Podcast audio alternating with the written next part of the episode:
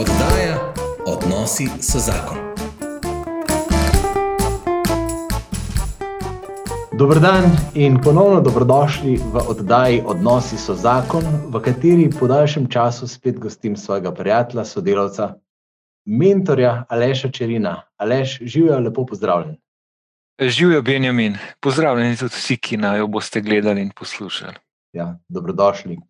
Dajmo se vsi skupaj najprej obrniti k našemu nebeškemu očetu, pa priporočiti ta čas, ko bo vam idva govorila in ko boste vi poslušali, in ko bomo vsi skupaj slišano spravljali v prakso. V imenu očeta in sina in svetega duha. Amen. Amen. Ja, vsemogočni nebeški očka. Točno to te prosimo, da bi znali to, kar slišimo in kar nas bo nagovorilo spravljati v prakso. Uh, prosim te konkretno tudi za ta čas, ko snemava za lešem, dej, da bova imela prave besede, prave misli, ki jih bomo potem res skupaj prelivali v dejanja. Po Kristusu, našem Gospodu. Amen. Slava Očetu in Sinu in Svetemu Duhu. Kakor je bilo v začetku, tako zdaj in vselej in vekomaj. Amen. V imenu Očeta. In očeta in sina in svetega duha. Amen. Ok, jaz sploh še nisem napovedal teme. Sem pa napovedal, da je pomembno, da to, kar bomo danes slišali, spravljamo v dejanja. Gre pa ravno za eno zelo, zelo težkih stvari in sicer, kako spraviti ptičke oziroma naše otroke ven iz gnezda. Alež, ti si imel predavanje s tem naslovom: Spravite otroke ven iz gnezda. Uh, že pred časom, že pred svojo boleznijo, s tem predavanjem si šel večkrat po Sloveniji, z njim si gostoval tudi pri nas na teh poletnih tednih v Vržeju. Tako da gre za eno vsebino, ki ste jo morda nekateri že slišali, ampak ko sem se pripravljal s teboj skupaj na to oddajo, mi je bilo kot da marsikaj slišim skoraj na novo. Uh, mi je bilo tako, da je to nekaj, kar bi mogel obnavljati vedno znova, in zato vas tudi, če ste že kdaj slišali to predavanje, vabim, da si vzamete čas, da ga res pozorno še enkrat prisluhnete temu pogovoru. Alež, meni je ta, ta primerjava s ptiči tako dobra, iz tako velikih kotov zornih. Uh, bil sem res, tako kot sem rekel, popolnoma presenečen, mnoge stvari slišal na novo, pejva v samo zgodbo ptičev, kako oni to delajo. Uh, in, za, in katere elemente od tega, kar oni nagonsko znajo, lahko mi čist direkt kopiramo v tem, ko se pripravljamo na to, da bodo naši otroci enkrat morali zapustiti naše gnezdo. Ja, ptiči, ptiči so pač naravna bitja, imajo nagone, oni to ne delajo, seveda, razumsko, mi vključujemo posod razum. In mogoče nam tudi to pomaga, v narekovajih, da zaidemo. Um, tako, kot sem se pripravil, še najprej, morda uh, to predavanje moje je imelo naslov Vrzita otroke ven iz gnezda. Zdaj sem bil kar kregan uh, za ta naslov, ampak včasih si treba tudi uh, tega polotiti, nekak, da vržeš otroke ven iz gnezda. Še boljš pa je, če jih pripraviš na to, da bodo šli iz gnezda in uh, da gredo radi iz gnezda, da so pripravljeni na to, da gredo iz gnezda. Glede pri ptičih, no, jaz sem, jaz sem tole uh, šel delati to predavanje, ne, sem premišljal o tej podobi, podobi ptic gnezda. Glej, ptički so od začetka zelo nebogljeni v gnezdu. Mhm. In uh, zdaj nimam konkretne, konkretne živali, ja, ja, ornitološko in tako naprej, ampak ja. vendarle so nebogljeni in starši jim nosijo hrano direktno v kljun uh, si predstavljaš to podobo odprtih klunov in starši tlačijo hrano noter. Totalna nebogljenost ptičev je samo en velik klun in jejo pravzaprav brez svojega napora. Glej, starša se zavedata, za ptiče je to totalno narobe rečeno, ampak nekako je v njihovem gonu, da bojo morali te ptiči jeseni odleteti. Se pravi, uh, midva imava na razpolago samo eno sezono, od pomladi do jeseni, in v tem času morajo biti ptiči sposobni odleteti v Afriko. To je, zdaj govorimo o pticah, selivkah. Recimo, Ja. in to je mm, to nekaj tisoč, mogoče 3-4 tisoč km dolga pot, ki zahteva izredne napore. Uh, mišice kril morajo biti razvite, da bo otrok vzletel in da bo preletel to pot tja, in da bo v tem tujem okolju, v katerem bo prvič, konc koncev, uh, preživel. In starša mu morata omogočiti, in mu ne ptiču, omogočita ta razvoj. In sicer postopno, ne, najprej, kot smo rekli, v kljun, potem na rob gnezda, da se otroci, a, o- o- otroci, ki jih je več v gnezdu, ponovadi že mečkan borijo za, za to hrano, ne, in jo starša pred, si predstavljam. Nekako prefinjeno odlagate v gnezdo, tako da se malo borijo, da se malo žokajo drug drugega, ne, da si malo, evo, že krepijo mišice. Potem na rob gnezda, potem pa tudi na veje, ne, tako da se morajo nekako že začeti spreletavati, malo po teh vejah, hoditi najprej in potem že malo spreletavati. Spodje je pogosto. Kakšen maček? Smršen maček, ja, kakšen maček, kakšna taka reč jim že omogoča nevarnosti. Se pravi, življenje ni totalno varno. Jaz ne rečem, da je treba metati otroke iz gnezda takrat, ko še ne znajo leteti za nalaž. Zgodi pa se, da kakšen pade. Mhm. Uh, glej, se pravi, to, kar ptiči delajo tako nagonsko, pripravljajo otroke, da bodo izleteli iz gnezda, moramo mi ozavestiti. Mhm. A veš, preprost, kdaj ne, kdaj to začeti, kdaj ta proces ozaveščanja začeti. Jaz pravim, takrat, ko pride otrok iz porodnišnice, lepo se Prav ne usede. pri 20, ne? Ne, pri 20, ko pride iz porodnišnice, ko mm, starša recimo, se zazreta v spečega dojenčka, se jima razneži srce, to je normalno, to je prav. Ampak že v tistem trenutku morate reči, se pogledate drug drugega v oči, pa si reči, enkrat bo šel. In prav je, da bo šel, in mi dva imamo tole zdaj eno sezono, da ga pripravlja, da bo lahko šel. Ja. Ena sezona je pri nas daljša, ni od pol, pomladi do jeseni, je dolga ravno 20 teh let, 20 let. bi rekel tako na hiter 20 let. Mhm. In uh, tule se proces začne pri nama. Kaj bova mi dva naredila, ne, da bova temu otroku omogočila razvoj mišic? Da pa ne bova mi dva omogočevalca vsega, kar bi naj, ne, da bi mu jemala to priložnost za učiti se in Ja. razvijati se. Ja, vsakič. tako zelo radi delamo. No? Ja, vsakič, ko kaj naredimo na mesto otroka, ne, Ja, ja. na mesto otroka, mu preprečimo, da bi se njegove mišice razvijale. Naj bodo to te prav fizične, fizične mišice, naj bodo to umske mišice, naj bodo to odnosne mišice, naj bodo to tudi duhovne mišice. Veš, tako, prispodoba mišic bo, bo, bo danes igrala vlogo. No? Veš, in ko sem bral tvoje članke na to temo na blogu Preprostost, ne, se vas kar vabim, da si tam še kaj preberete na to temo.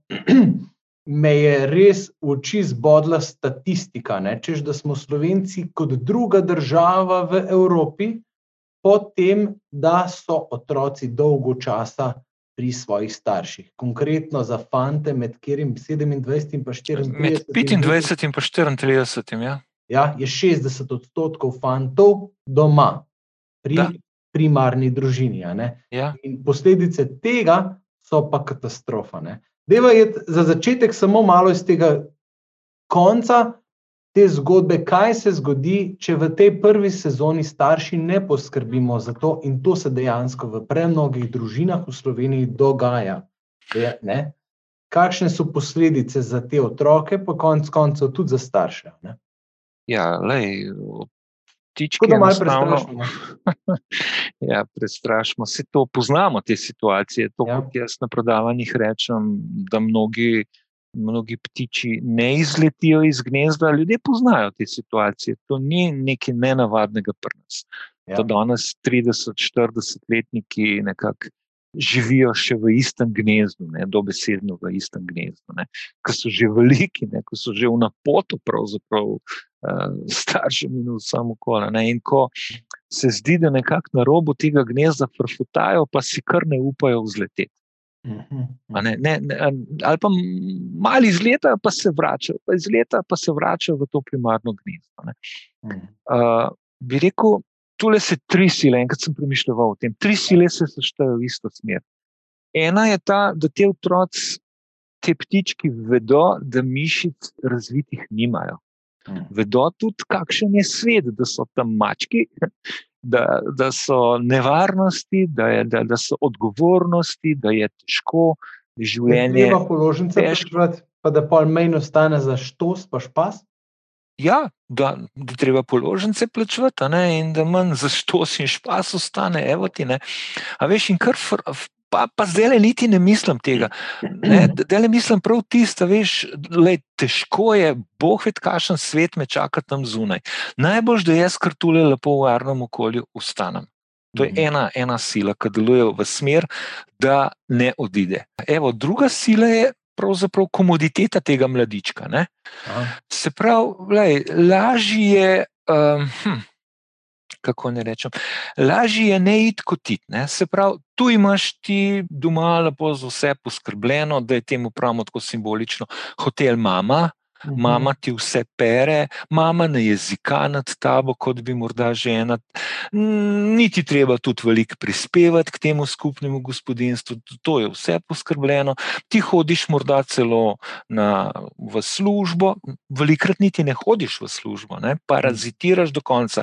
Da tole jaz v predavanju prav imenujem nekatere ptiče, imenujem paraziti ki živijo na račun drugega. Lahko ti tudi hodiš v službo, pa doma noč ne prispevaš, ker hm, se nas podob, da bi svojemu otroku računal, pa tako naprej. Pa tako naprej Ampak, le, to ni realnost življenja.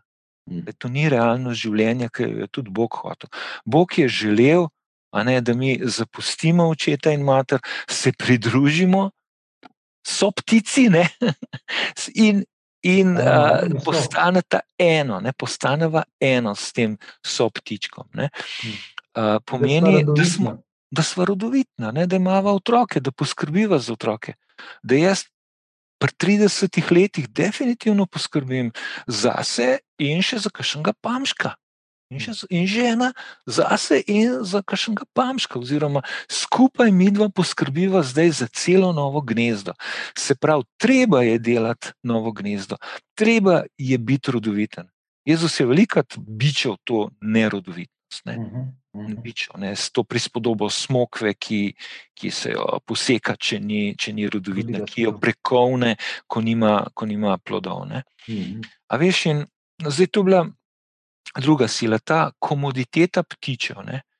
ta navajeno, to se pravi, vidiš, spet, spet, bolj komodite le v gnezdu, zdaj že vemo, da je toplo, položnic nam ni treba plačevati, mal hodim okol, seksam tudi, ne, danes je to na razpolago, če ne drugače. Tinder, sem uh, pa levo, desno. Ja.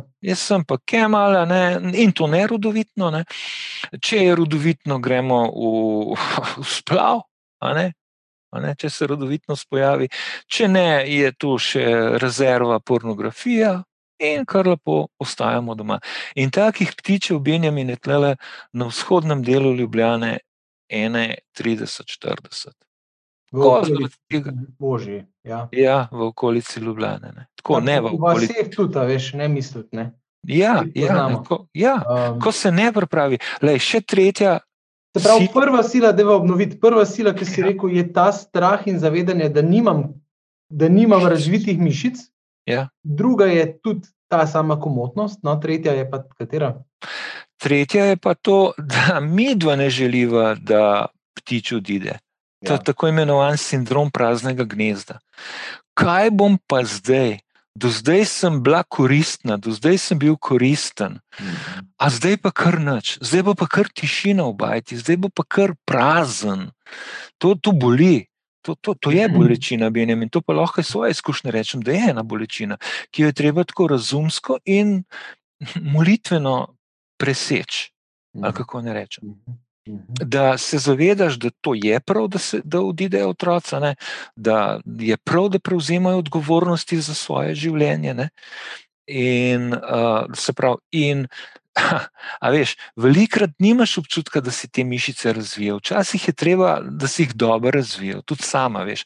Čutiš nekakšno, kako ne rečem. Uh, da je malo zmanjkalo, no, preprosto. Ja, da je zmanjkalo tega, da, ni, uh, da nisi bil dovolj uspešen tukaj, pa se malo posipaš s pepelom, pa malo prevzemaš odgovornost za to, pa kar ne. Nač, pa nač ne plaži, pa nič narediti. Ne? Tako, ne, in tudi, ja, ja, ne. še posebej pa to, ne, tam, kjer odnosi med zakoncema niso dobri. Ja. Zdaj bom pa s tem težakom ostala sama. Ja. Zdaj bom pa s to zoprno nergavo babo ostal sam. A veš, in je to in tukaj, težko. Ne? Težko, in tudi pogosto se tukaj razkrije težava, ki je bila v emocionalnem, nadomestnem partnerstvu, ki ga je mama imela s svojim sinom. Naprimer, ja, katastrofa. In oče s hčerko, da ne bomo, to, da ne bomo ja. samo mame. Veš, ne, želim spolu, ne želim več po spolu, ker so. Ne, ker so težave, ampak tukaj Tako. so, da se razvijajo te nezdravi ja. vzorci med otroci in med starši. Ne? In, in polk sta starša sama. Ne? Ja. Uh, in pa problem. Še nekaj je, ne? včasih kakšen otrok prevzame odgovornost za odnos svojih staršev. Uh mhm. -huh. Veš, tist, tako, lej, če pa jaz grem, pismo se, se bosta pobila. Ločila. Če pa jaz grem, se, se bosta ločila. Če pa jaz grem, a veš, in to je tako krivdo, si, nam, si otrok uh, zapakira tulen, tulen noter in tudi ne more iz tega veniti. Lej, tega, tega je milijon. Zdaj sem še četrto celo silo nekako vedel. Ne? Ja. In se spet kaže, kako pomembno je, da sta mož in žena pripravljena uh, graditi dobre odnose, da sta pripravljena, da, da, da, da otrokom pokažete, da boste ona dva preživela in to dobro. ne, da imate tako dober odnos, da, ne, da, da, kome čakate. Da, kome čakate, da ptiči odletijo, da bo še lepše. Pa da se ja. potem ptiči s svojimi gnezdeci, s svojim zarodom, ne, lepo vračajo nazaj k detku in babici, k svojim staršem, na kosilo, če treba v nedeljo, noč hudega, to je prav, da se to gradi. In potem pridejo kot odrasli nazaj in jih tudi mi začnemo jemati, pravzaprav jih je treba že prej jemati kot odrasle. Mhm. In, in, in je to evo, eno, eno veliko veselje. Viš, tri sile so Benjamin in te sile, vsaka posebej je močna. Ne? In ja. kdo bo zdaj te sile premagal? Če, če, če so res tri in tri močne, je ni, ne vem, Bog vse mogočni, je to edina sila, ki, ki, lahko, ki lahko to premaga. No. Je treba iti kar v molitev, ne? v, v, molitev, v molitev, in potem tudi uh, v tem predavanju sem nakazal rešitve uh, tudi v smeri tega, da se, da se še tudi, ko je že prepozno, ne, da se mož in žena vendarle ovesta, da ni prav, da otroci ostajajo pri 30, 40, 50, magarne, kar domane. In potem, kaj če pa zdaj narediti? Potem je treba iti ja, v molitveno držo, Bog pomagi nama, da mi dva preseb, ker to silo imamo, pa mi dva pod nadzorom. Mm -hmm. Oče ima silo pod nadzorom to, tega spuščanja otrok v svet, uh, mama. Recimo, da se začne zavedati teh katastrof, mama in oče, da se tega začnete zavedati. Imáš tudi v rokah tega, le ne bom navezovala svoje otroke več na sebe, da je vam mož nekaj skupaj narediti. Ne? Mhm. In potem enostavno ni enostavno, jaz rečem enostavno, to ni enostavno. Pripravite set pravil, ki bodo začela veljati. Kako konkretno se ne tega lotitaš? Da je to mečken konkretno povej. Uh, to se zelo, veš, tako lepo slišiš, pripravite set pravil. Ja. Mislim, kako? Glej, uh, se pravi, da se usede, pa napiše, kaj bi on rekel. Amen, točno ja. to. Točno to. Se vsi, žena se usede in napiše, kva bi ona rada. In potem se usedeta, seveda, skupaj. Mi stalno podarjamo to edinost. Ja. To so gotovo naši poslušalci, gledalci opazili. Skupaj uskladita ta pravila. Mož je morda veliko krat v neki jezi. Lej, prvo, kot je, to delate iz ljubezni. Hmm. Veš, to delate z ljubezni. To se pravi, zadaj mora biti ljubezen. Tista, tista ljubezen, ki ki, je, ki je podobna Božji. Ne, ki je podobna božji ljubezni. Se pravi, ne delaš iz jeze, zamere, ja. iz vseh teh uh, zagad, ki smo jih imeli, iz vseh teh traparij, ki smo jih imeli, ki smo se kregali, te pa vse. Zdaj pa šel, ne smo ja. končno ugotovili. Ne. ne, iz ljubezni in mu poveš, da ven bo šel, zato ker te mava rada, zato ker želiva, da si ti rodoviten in boš potem na koncu, ti kar povem, boš zadovoljen. Ti bo zadovoljna tvoja bodoča žena. Ja pa, mož, ja. mož in bo vas zadovoljna midva, ki bo sta prpalala vnučke in bo videla to rodovitnost. Dej svetopisansko je, o, da bi videla otroke svojih otrok. Ja. Ne? Ne, da, o, da bi videla. Izreče, Kako? Ta prošnja je izrečena pri poroki. Pri poroki je ta prošnja izrečena, da ja. bi videla, in mi dva moramo to narediti. To je najna dožnost. Uh mhm. -huh. Da zdaj, ko smo že zasrala, mal, ne, ali pa mhm. orang, ne, mhm. da se zdaj ozavestiva, da zdaj veva. Ne, in da potem narediva pravi set pravil, ki jih naredi mož posebej, žena posebej, potem pa skupaj uskladita, da sta potem, ko jih predstavljata temu ptičku, ki frfuta na robu gnezda, da sta si edina. In da predstavljata ta pravila tako, da se bodo izvršila. Ja. Ne, da je to neka prazna grožnja, prazna okay. grožnja. Kakšen set pravil? Aha. Ja. Pri nas, če misliš, da tukaj ležeš, pa da boš občutil realnost življenja, boš začel plačevati. Koliko pa realne stroške? Ja, koliko pa so realni stroški? Počakaj še par mesecev, da ti izračunava, ker so bila tako bednika, da ne vodva družinskega knjigovodstva. In potem, čez nekaj časa, prideta, naši realni stroški so tokle. Kako za ta denar pa jaz tam kako, ja, pejt, super, lej, če ne prideš skozi, super. Ja. In potem računata vse, kaj pa je to vse. Pa hrana, pa pijača, pa internet, pa elektrika, pa voda, pa televizija, pa vse snaga, komunala, uh, sobca. Aha, koliko veliko sobca imaš? Aha, 20 kvadratov imaš veliko sobca. Aha, koliko, kakšna je najemnina za 20 kvadratov velike sobce v našem okolju? Tokle, no, tokle je še sobca.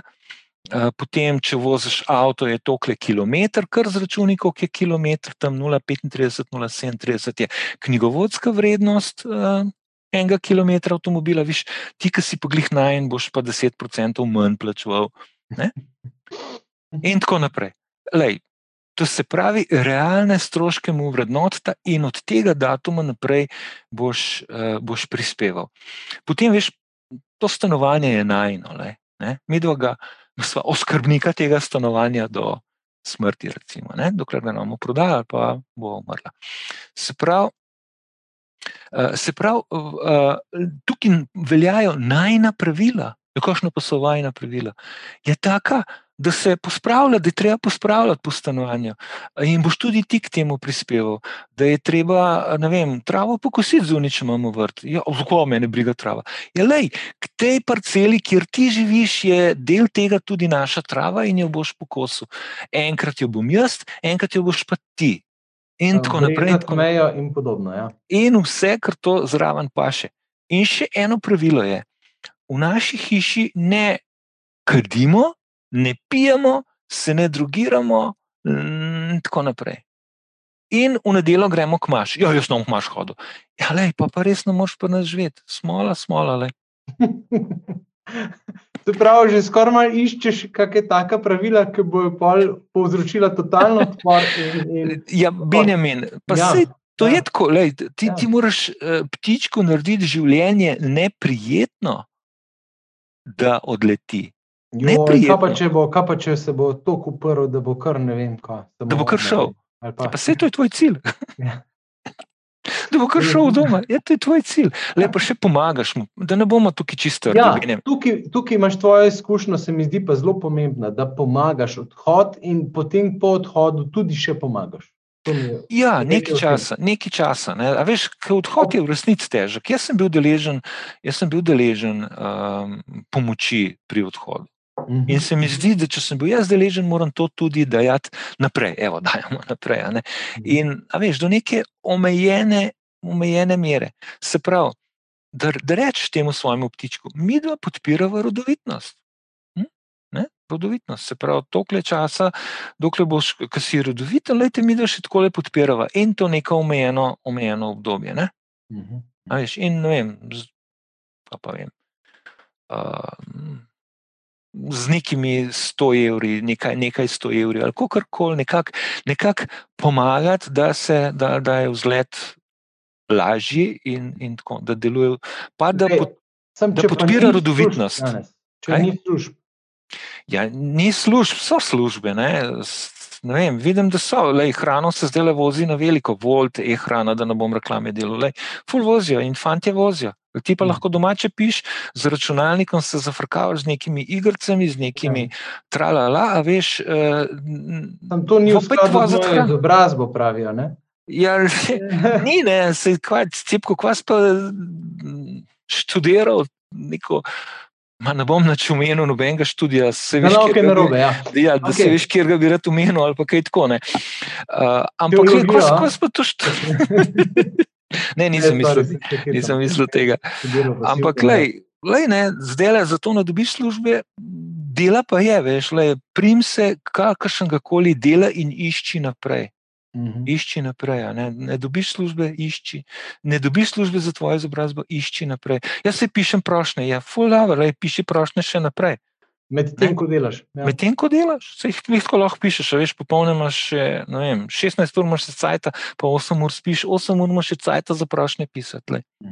Pa se zanimaj, pa kako se službo dobi, pogovarjaj se, uči se, dodatno se izobražuj, še kaj upišaj, kakšen študij dodatno v delu, pa ne vem, koga lahko vse počneš, ko kar pa sam prošnje pišeš in zraven goreče molaš, da ja ne bi dobil, da imaš dober izgovor, da ne moreš iti k mami, pa ato se pa takoj mm, zakrvavi srce, kot ti. Uh, Ne, ko bi ti šel, recimo, ne, a veš, in te potem spet potegnete nazaj, jo, grozni časi, grozni časi.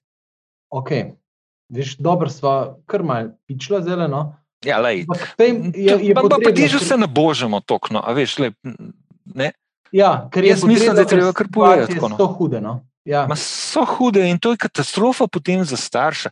Vse na koncu, ko pogledaš, le Benjamin, zdaj predstavljaj si, da si 80 let star, pa tvoja, koliko 60-letna hči še kar biva doma. No.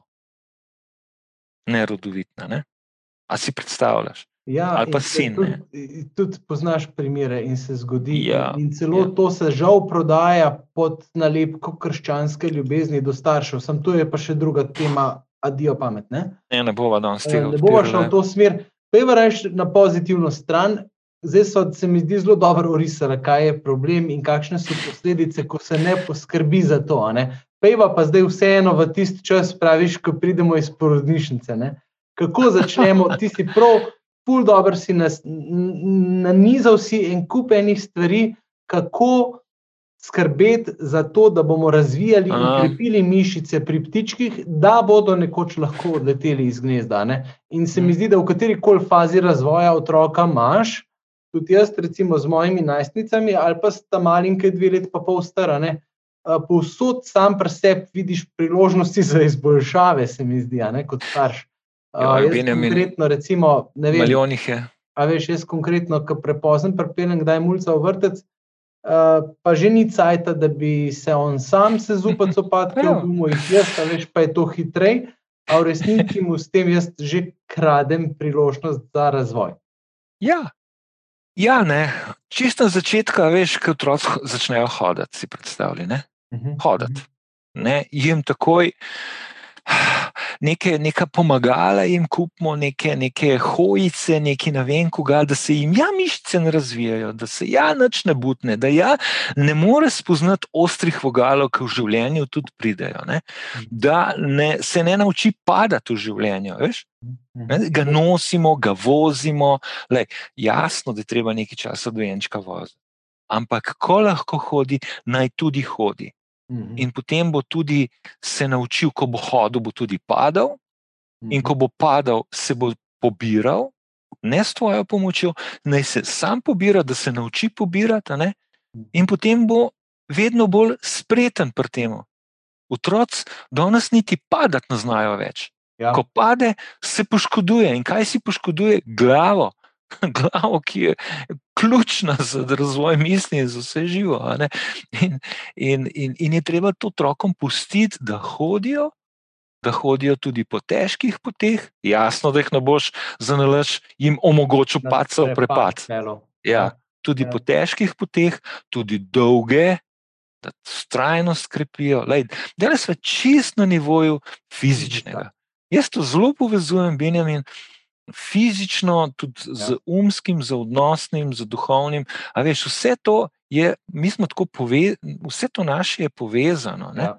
A Veš, in lej, fantek, pa punčka, vsak mora imeti občutek, tisto globoko notranjo, s telesom občuteno, uh, jaz zmorem, Mhm. jaz na nivoju fizičnega zmorem. E, tukaj tukaj lej, bom dodal tole eno svojo zgodbo. Vidim, da le vnučke najne. Mhm. Štiri fantki so to. Ej, desetletnik, 13 km, 3 ure pa pol, 700 metrov spona v, v nočnih razmerah, delno v nočnih razmerah, v blatu, v, v ne vem kva, nič jamranja, nič ničesar. Ampak potem eh, osemletnik, tudi tri ure, malo krajše, malo manj spona, šestletnik isto, triletnik, 4 km, 150 metrov spona, sam, pol poti od laufa. Ma kaj te fante tako le malo butnem po mišicah, ki malo pošlatam, kakšne mišice imajo na nogah, tako le spodi, ma dej, to je kita. Zakaj? Zato, ker skozi hodijo. Ja. Zato, ker se skozi pohosti preganjajo. Lej, veš, in te fantke imajo občutek, jaz zmorem. In mi jih moramo tudi potrditi v tem. Jaz jih kot dedek potrdim, da ti zmoriš, da ti si car, ti Mhm. plezaš kot tiger, ti greš. A Razumeš? Mhm. Ne, na nivoju čist, čistega, skoraj bi rekel, banalno fizičnega Ni zadanja. banalno, to je zadnjič Ja. prav sestra Andreja Godničeva prav poudarila, ne se si poslušal. Ne? Prav Ja, rekla ja. je točno to, ne? se pravi, naše občutje sveta je postalo čist delikventno, zato ker smo pozabili na osnovo, na Na fizično. telo. Na In telo, to se na dogaja, telo. Pa še, pa, pa še mi, kristijani, naša vera je bolj telesna. Ja. Telesna, Jezusa kot telo prijemamo, ne kot Ja. ja. samo misel, samo kot ne vem kaj. Ne? Ja. Ne, in kot neko duhovno svetlobo, kvas, ne trapa strečem. Ne? Ampak naša vera je telesna in na, na, na telo smo kar pozabili, včasih je bila še kakšna, pa pustimo zdaj to. Uh, telo je samo, kvaj s tem nekaj, kar mora duša vleči za sabo, revca Boga, dokler se ne znebija. Ne? Ja, Ne, ja, ja. Telo je nekaj, kar je dragoceno v našem svetu in je treba skrbeti za njega. Ja. Lej, potem, da imamo otrokom izkušnjo dela. Lej, delati je treba, lej. Ne, to se pravi, lej, ko bo šel na svoje, veš, bo treba pa, pa, pa že zdaj te to učimo, zato ker takrat, ko bo šel na svoje, bo treba pa to delati. In jaz te že zdaj hočem na to pripraviti, da znaš cune uprati, da znaš zlikati, da znaš eh, kosil skuhati, da znaš katravo pokositi, da znaš na vrtu nekaj narediti.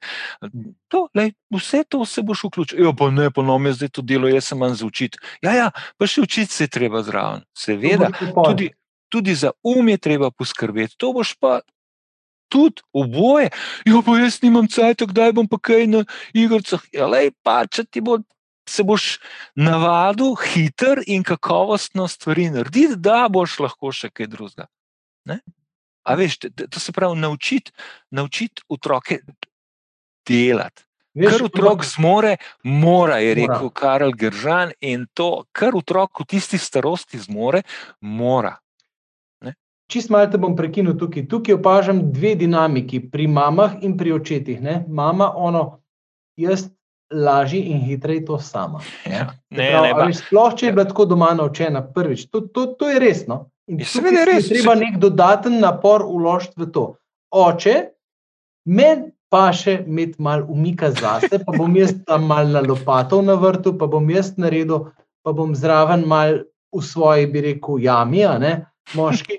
Ja, In mi bo to, a veš, na nek način sprostitev od tistega džumbusa noter v bajtu od otroka ali pa kakorkoli. ne.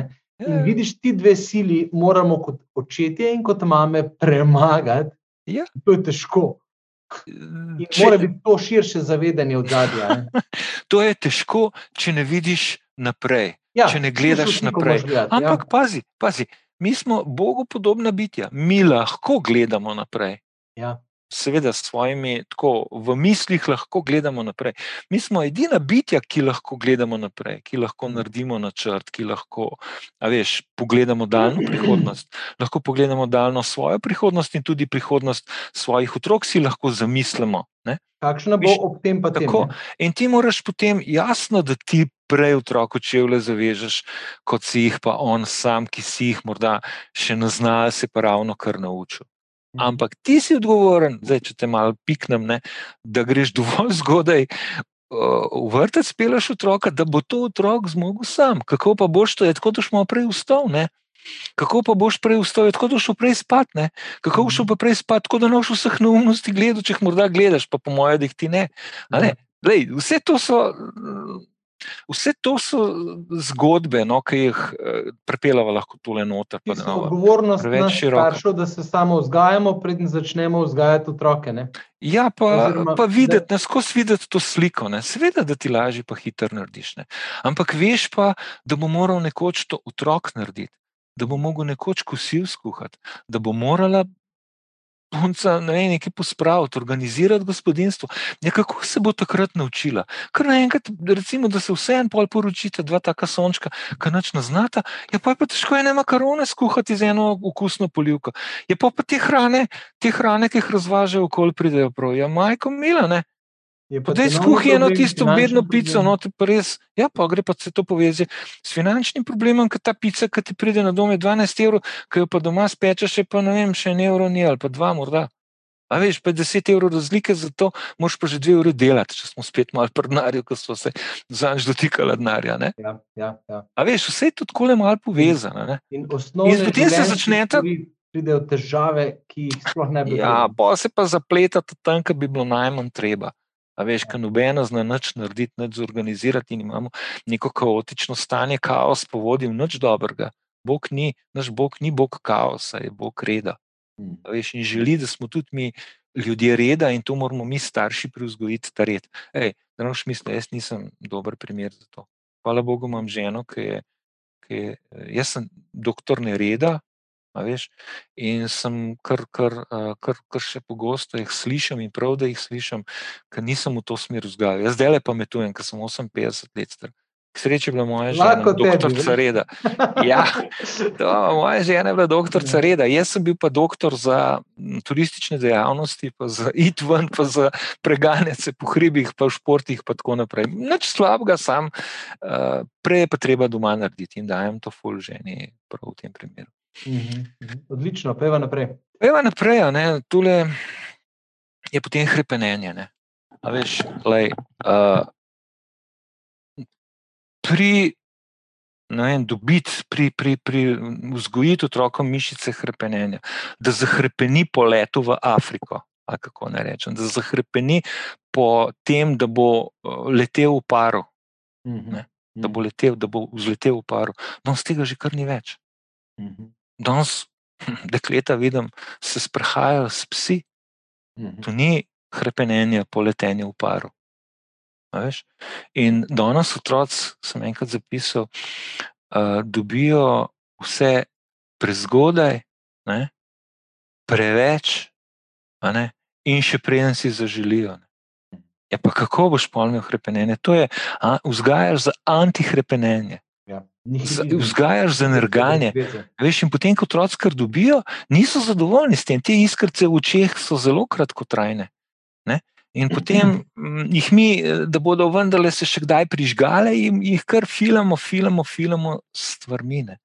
In potem to ljudje, to otroci to zavržajo, ker je tega tok, ni nič uredno. Ja, to je čisto normalna ponudba in popraševanje. Nič ni uredno, če tega velikne. In potem ko ni več krepenja po materialnem, tudi ni več krepenja po človeku, ni več krepenja po odnosih. In zahrepeniš, še posebej danes, ko se spolnost dobi na vsakem vogalu, tako instant, skrepano čisto, kako naj rečem. A veš, se kaš, kako zdaj fant, kako zdaj fant, nedomestke, ja, tako ja, ej, ne. A veš, in, in, in, in potem seveda, fantje tudi punce, ne, fanti na drugačen način izletajo iz gnezda, seksajo levo, desno, okol in se vračajo gate pred pa k svoji mami, brez vseh odgovornosti, brez vsega. Ne? Mhm. Ne? In išni iz tega, ki ni, ni hrepenenja. Mhm. Uh, napor, ne? za napor jih moramo vzgajati. Življenje ni lahko. Mhm. Napor, kaj je napor? Ja, to, da se ti pomuješ, to, da ti zašvicaš, da v tej leukemiji imam jaz nalogo, da, da se tako krepim, da vsak dan nekaj fizično delam, da se da zašvicam. In to tudi ni lahko. Ne?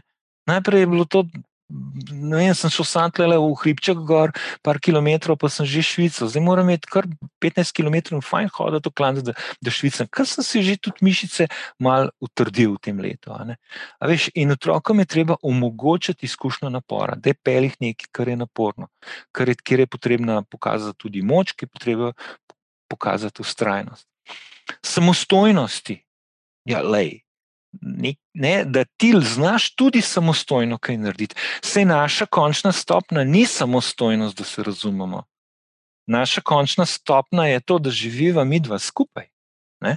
Mhm. Ampak od nesamostojnosti, ki jo občutiš, kot, ki, ki jo imaš kot dojenček, preko delne samostojnosti kot otrok, delne spet kot, kot najstnik, ne, greš v popolno samostojnost, da greš lahko iz te samostojnosti v dvojino. Ja. Veš, to je naš konec. Parazitiranje potem v sami dvojini. Ja, to, no, tako, tako pomenila, ja. In tukaj pridejo prav problemi. Otrok ima problem, starša, starševska reakcija je super, Bog ti je poslal problem, zakaj pa? Zato, ker te ima rad. In kako me mora, če mi poslal problem? Ja, zato, ker ve, da tvoj problem krepi mišice, reševanja problemov, pa umske, pa spretnostne, pa vem, delovne, ne vem, kašne vse mišice, odnosne, ker boš problem morda moral rešiti, ker je to težek še z nekom. Ali pa kaj, lej, vse te mišice bo ti bo Bog krepil, ko še ti probleme. Tako da starši, jaz bi rekel, ne rešujte problemov svojih otrok. Če jih imate radi. Je knjiga s tem naslovom. Mešajte se preveč v probleme svojih otrok. Ja, Ja, in, in boste hvaležni, da imajo probleme, in če občutite, starši, da je premalo problemov, ne, da Bog vem, na nek način premalo s problemi uh, blagoslovi, otroke, blagoslovi ja. ne, bi rekel, lepši izraz je blagoslovi svoje otroke, mu še vi, kaj še ga podstavite. Ja, ja, ja. Ja. Veš, ampak zdaj, ko se zdi, da Bog zelo blagoslavlja otroke z problemi šolanja od doma, pa tako ne praviš, kaj so mame postale. Ja, to se je to Marko Juhan rekel, eno tako dobro. je rekel, mame so postale zunanje pomnilne enote, zapomnjenje in da pol primer tam eno elastiko. Elastike. Pride mulci iz šole, prav mami v petek moram prenesti elastiko. In mami to da v svojo pomnilno enoto in čaka do četrtka zvečer, da mu bo dala elastiko v torbo.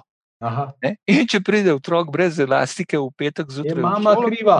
Je mama kriva, ker pomnilna enota se je nekaj zataknila v njej, nekaj ni šlo. Mislim, follower, če bi jaz.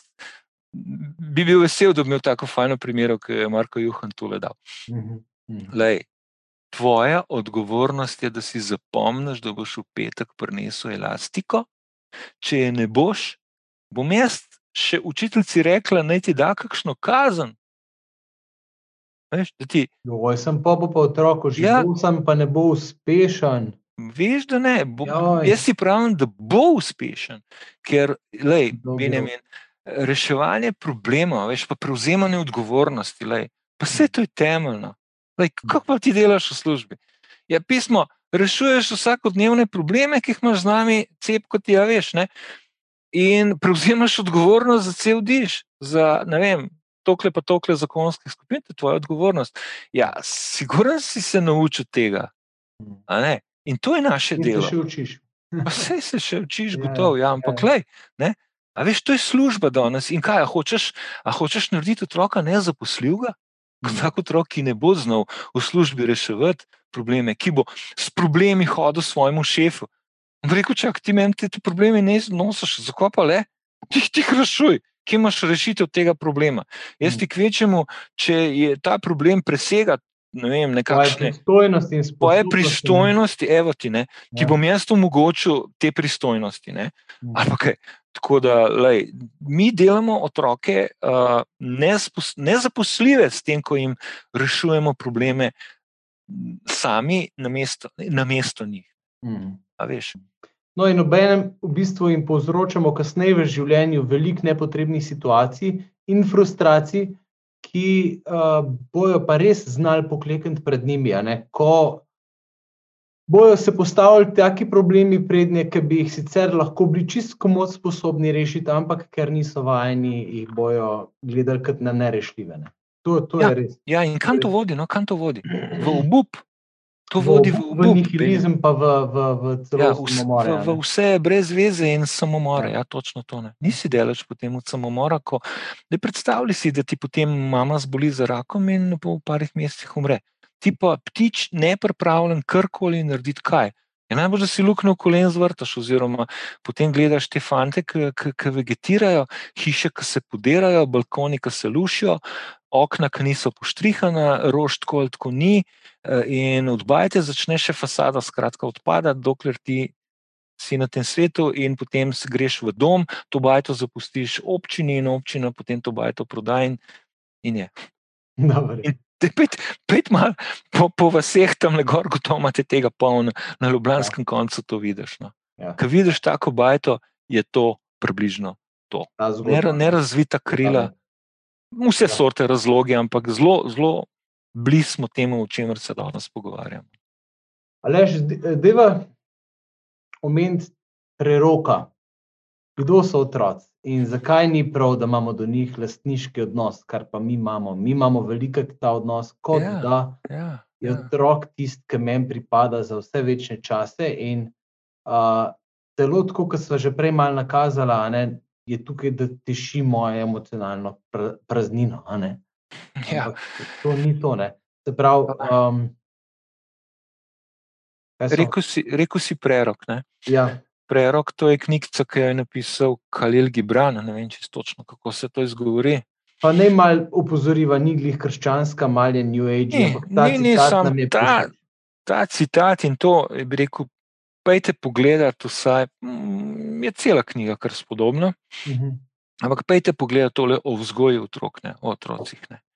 In, lej, da bom kar prebral, da ne bom, da ne bom zabluzil, ne, če se citira, je prav, da se kar prebere. Ne. Pa pravi, vaši otroci niso vaši otroci. Po vas prihajajo, a ne od vas. Čeprav so z vami, niso vaša lastnina. Mhm. Meni je to noro. Ne? Aha, niso, niso, niso moja lastnina. Ne? Ni, ni, ni, nisem jaz lastnik svojih otrok. Kaj pa sem? Oskrbnik, jaz jih oskrbujem, poskrbim za njih v različnih življenjskih obdobjih, poskrbim za njih, njihovi starosti, primerno. In jih pripravim kot dober oskrbnik, jih pripravim, ne, da bodo tudi oni, ne, kot pravi tole, poleteli hitro in daleč. Kot pol naprej pravi, vi ste lok, nagovarja to starše, vi ste lok, iz katerega so kot žive puščice izstreljeni vaši otroci. A, lok sem, uf, lok sem, ki se napenja, ne, ki se napenja, ki Pa se sam. trudi, pa ne sam dva ga napenjata, bi mi rekli, ne, ja, ne, da bodo vaše puščice letele hitro in daleč. Ne, pravi. In še tule lokostrelca omeni. Lokostrelec vidi cilj. Lej, to je, to je, ne, mi mislimo, da vidimo cilje svojih otrok.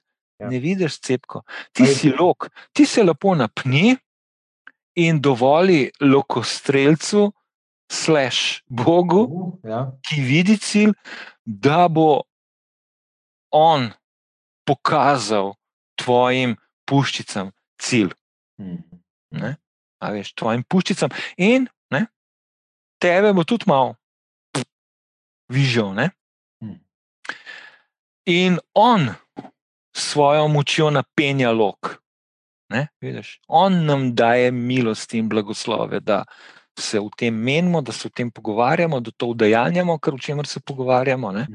da njegove zamisli, ne, da po njegovi zamisli malo usmerimo lok. Ne? Mhm. Ja. In tako pravi, on s svojo močjo napenja lok, da bi njegove puščice lahko letele, mogle leteti hitro in daleč. Evo, to, to, je, to je cilj puščice, da leti hitro in daleč in da pride, pride do cilja. In cilj je rodovitnost, ne nerodovitnost. Cilj je rodovitnost. Mene tale, ta citat, kdor, kdor če, uh, kdor če ne vem, dobro vzgajate tole za prebrati, to zavestati in to nekako v svoje življenje spravljati, skupaj spravljava to v življenje, skupaj. Ne? Spet ta naša Edino. uh, edinost. Ja, evo Ja, ti. ja. Fino. Um, mislim, da so zelo dobre, ko gledam te svoje pri, pri, priprave. Tudi, um, se mi zdi, da so v glavnem kar lepo Povedala. Pregla in povedala, tole temo obdelala. Uh, tako da, če imaš mogoče za zaključek še kakšno tako misel, ki bi jo rad, recimo, nekako kot Ja. popotnico tej temi podal. Uh, Ti me vedno tukaj izzoveš z nečim takim, da ne še nekaj modrega povem, pa potem imam težavo. imam težavo. Ampak meni se zdi, da lej, mi dva smo nagovarjali zdaj le uh, starše, ki imajo otroke v različnih življenjskih obdobjih. Ja. Najbolj fino je, če poslušajo oni, ki imajo dojenčke, da začnejo s tem modrovanjem ob zipki, Mhm. Ne.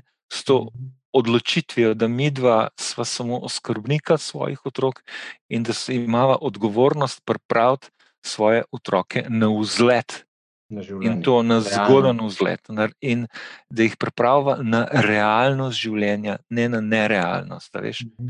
Ker realnost življenja pa je, da je življenje težko.